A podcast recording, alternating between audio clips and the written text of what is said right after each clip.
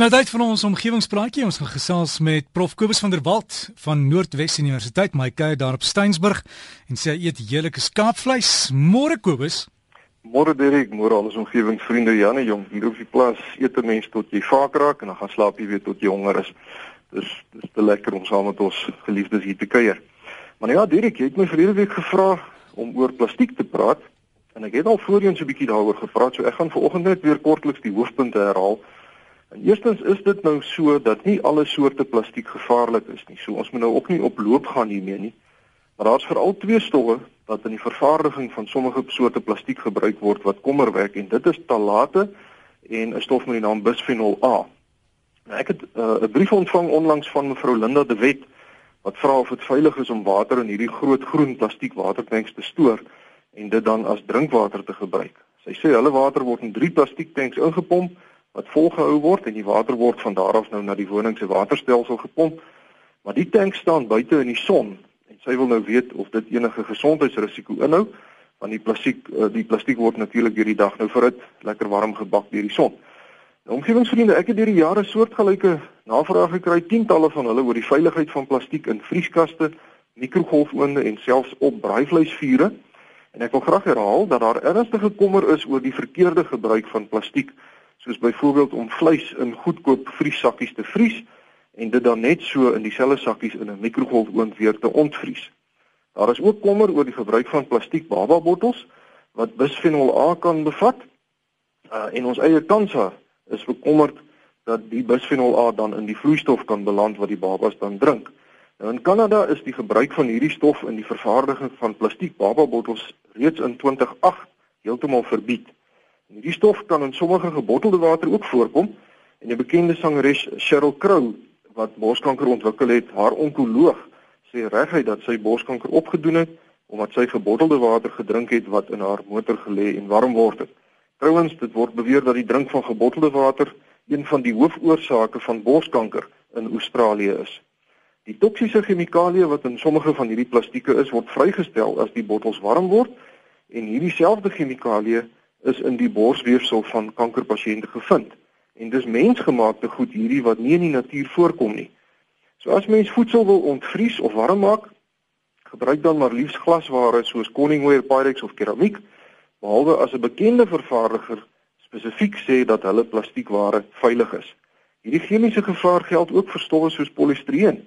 Omtrent al die kitskosgroepe in die VSA het 'n ruk gelede die gebruik van polistireenhouers gestaak en oorgegaan na houers wat van papier of karton gemaak is en die rede hiervoor was die moontlike vrystelling van toksiese stowwe as mens byvoorbeeld 'n polistireen bekertjie gebruik om warm koffie in te bedien.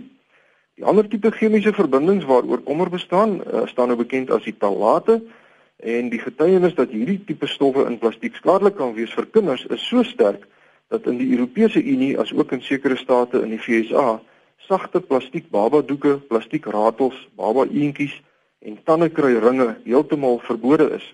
Die talate is plastiseerders wat stowwe is wat by plastiek gevoeg gevoeg word om dit sag en buigbaar te maak.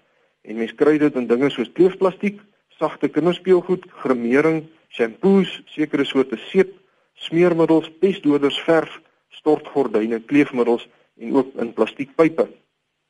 Maar daar's verlede jaar omtrent 55 gram talate vir elke mens op aarde vervaardig deur die plastiekindustrie. En die goed kom oral voor in die globale omgewing. En 'n ontstellende feit is dat talate gevind word in 75% van alle Amerikaners wat wys hoe deurtrek die omgewing is met hierdie stowwe en ek sê weer dis mensgemaakte goed, dis nie natuurlike goed nie. Nou as hierdie goed in jou liggaam beland, kan dit effekte hê soos byvoorbeeld vroulike gedrag by mans, vroeë puberteit by dogters. Dit kan gene affekteer wat met tyd kan oorgaan in kanker. Dit kan die glikose en insulienvlakke in die menslike liggaam beïnvloed. Dit kan die die vroeë fetale ontwikkeling van babatjies beïnvloed en so ook estrogen eh, metabolisme, afneem afname in testosteroon, versteurde hormonale funksionering, skade aan die reproduktiewe stelsel en dan ook asma. Terloops die nuwe kar reuk wat 'n mens kry as jy in 'n nuwe motor sit, daai wat so lekker ruik is onder andere afkomstig van hierdie stowwe wat vrygestel word in die lug. So kortliks kom dus dit daarop neer dat 'n mens geen plastiekhouers wat enigstens warm gemaak word of in die son warm word behoort te gebruik nie en dit sluit kleefplastiek in wat ons nou soms gebruik om kos mee toe te maak behalwe as die aanwysings eksplisiet sê dat dit veilig in byvoorbeeld mikrogolfoonde gebruik kan word. En verder geen papier of kartonhouers met 'n plastiek laagie soos byvoorbeeld die waarin hamburgers verpak word behoort in 'n mikrogolfoond weer warm gemaak te word nie en ook moet mense nou liefs nie water in plastiekbottels wat in die son byvoorbeeld in 'n motor gelê in warm bakke drink nie. En om dieselfde rede sou ek ook nie water drink vanuit plastiektanks wat in die son staan nie. Miskien moet mense maar eerder 'n afdak bou oor die tanks om veilig te wees of dalk 'n effektiewe suiweraar installeer in jou huis net om seker te maak. Ek dink steeds dat mens plastiek eenvoudig streng moet gebruik slegs waarvoor dit ontwerp is en dat mens dan maar liewer by bekende handelsname moet hou en dit dan streng volgens die aanwysing moet gebruik. Dan 'n versoek van Gundren Loupsher van Pietretief. Sy skryf dat hulle gemeenskap tans besig is met 'n plastiekprojek. Nou Pietretief lê op die N2 en Gundren vra dat alle motoriste wat deur Pietretief ry, asseblief hulle oë moet oophou vir die houer by die Sasol volstasie by die ingang van Pietretief en sy vra dat elkeen dan nou al hulle plastiekrommel in die motors in daardie houer sal gooi. Hulle doen hierdie projek elke jaar as deel van die aarde uur en wil dit uh graag en en vra u dan asseblief om al u plastiek in Pietretief se houer te gaan gooi. Dan omgewingsvriende, wil ek graag vanoggend afsluit met 'n paar luisteraarsbriewe wat ek ontvang het na aanleiding van verlede week se praatjie oor die obesiteit en die ongesonde lewenswyse van ons Suid-Afrikaners. Eerstens 'n brief van meneer Isak Gelderblom van Kimberley en hy skryf dat professor Gert Strydom van menslike bewegingskunde by die Noordwes Universiteit hom jare gelede gewys het op die werk van navorsers Belloc en Breslau. En hierdie twee menere het reeds in, in 1972 bevind dat deur die volgende 7 eenvoudige riglyne te volg, mense hulle lewensverwagting en hulle gesondheid baie kan verbeter.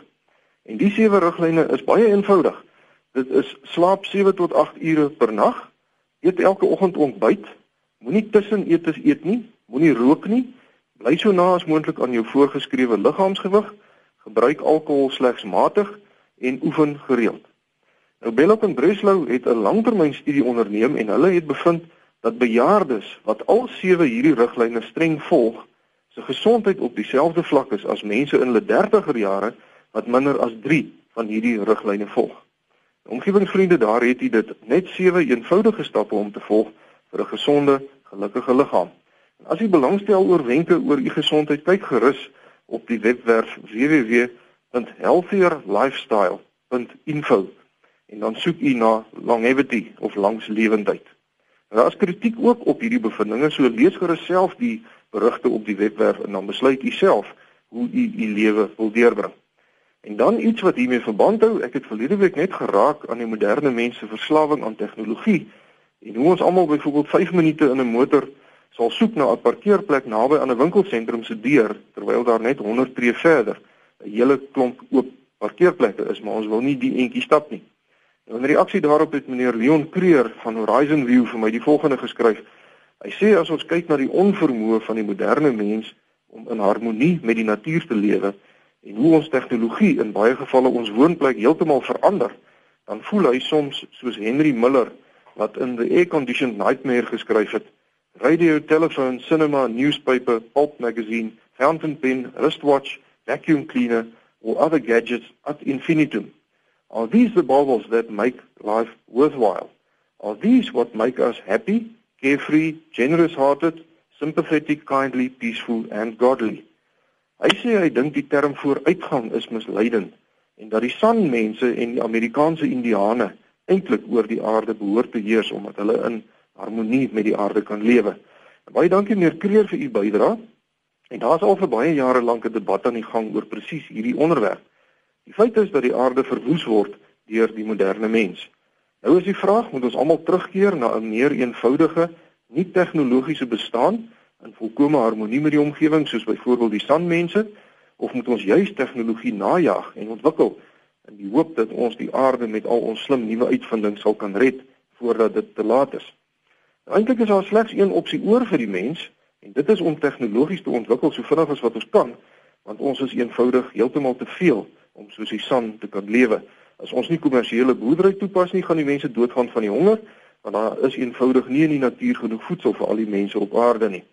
en meer as helfte van al die mense op aarde woon in stede. So as ons nie elektrisiteit opwek en water in stede inpomp van groot opvaardamme af en riool en afval uit die stede uitverwyder nie, sal alle stede binne 'n paar dae verander in giftige, onbewoonbare afvalhope.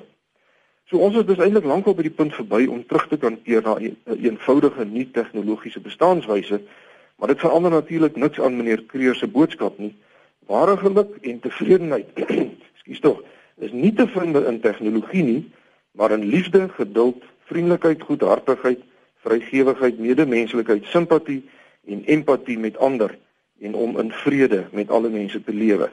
En dit is met hierdie gedagte dat ek vanoggend graag wil afsluit en vir al ons omgewingsvriende 'n geseënde Paastyd wil toewens. Ek hoop u kuier lekker saam met die geliefdes en vir die van u wat dalk hartseer of alleen is vanoggend, mag u die vrede en die genade waaroor hierdie Paasnaweek gaan, ryklik ontvang.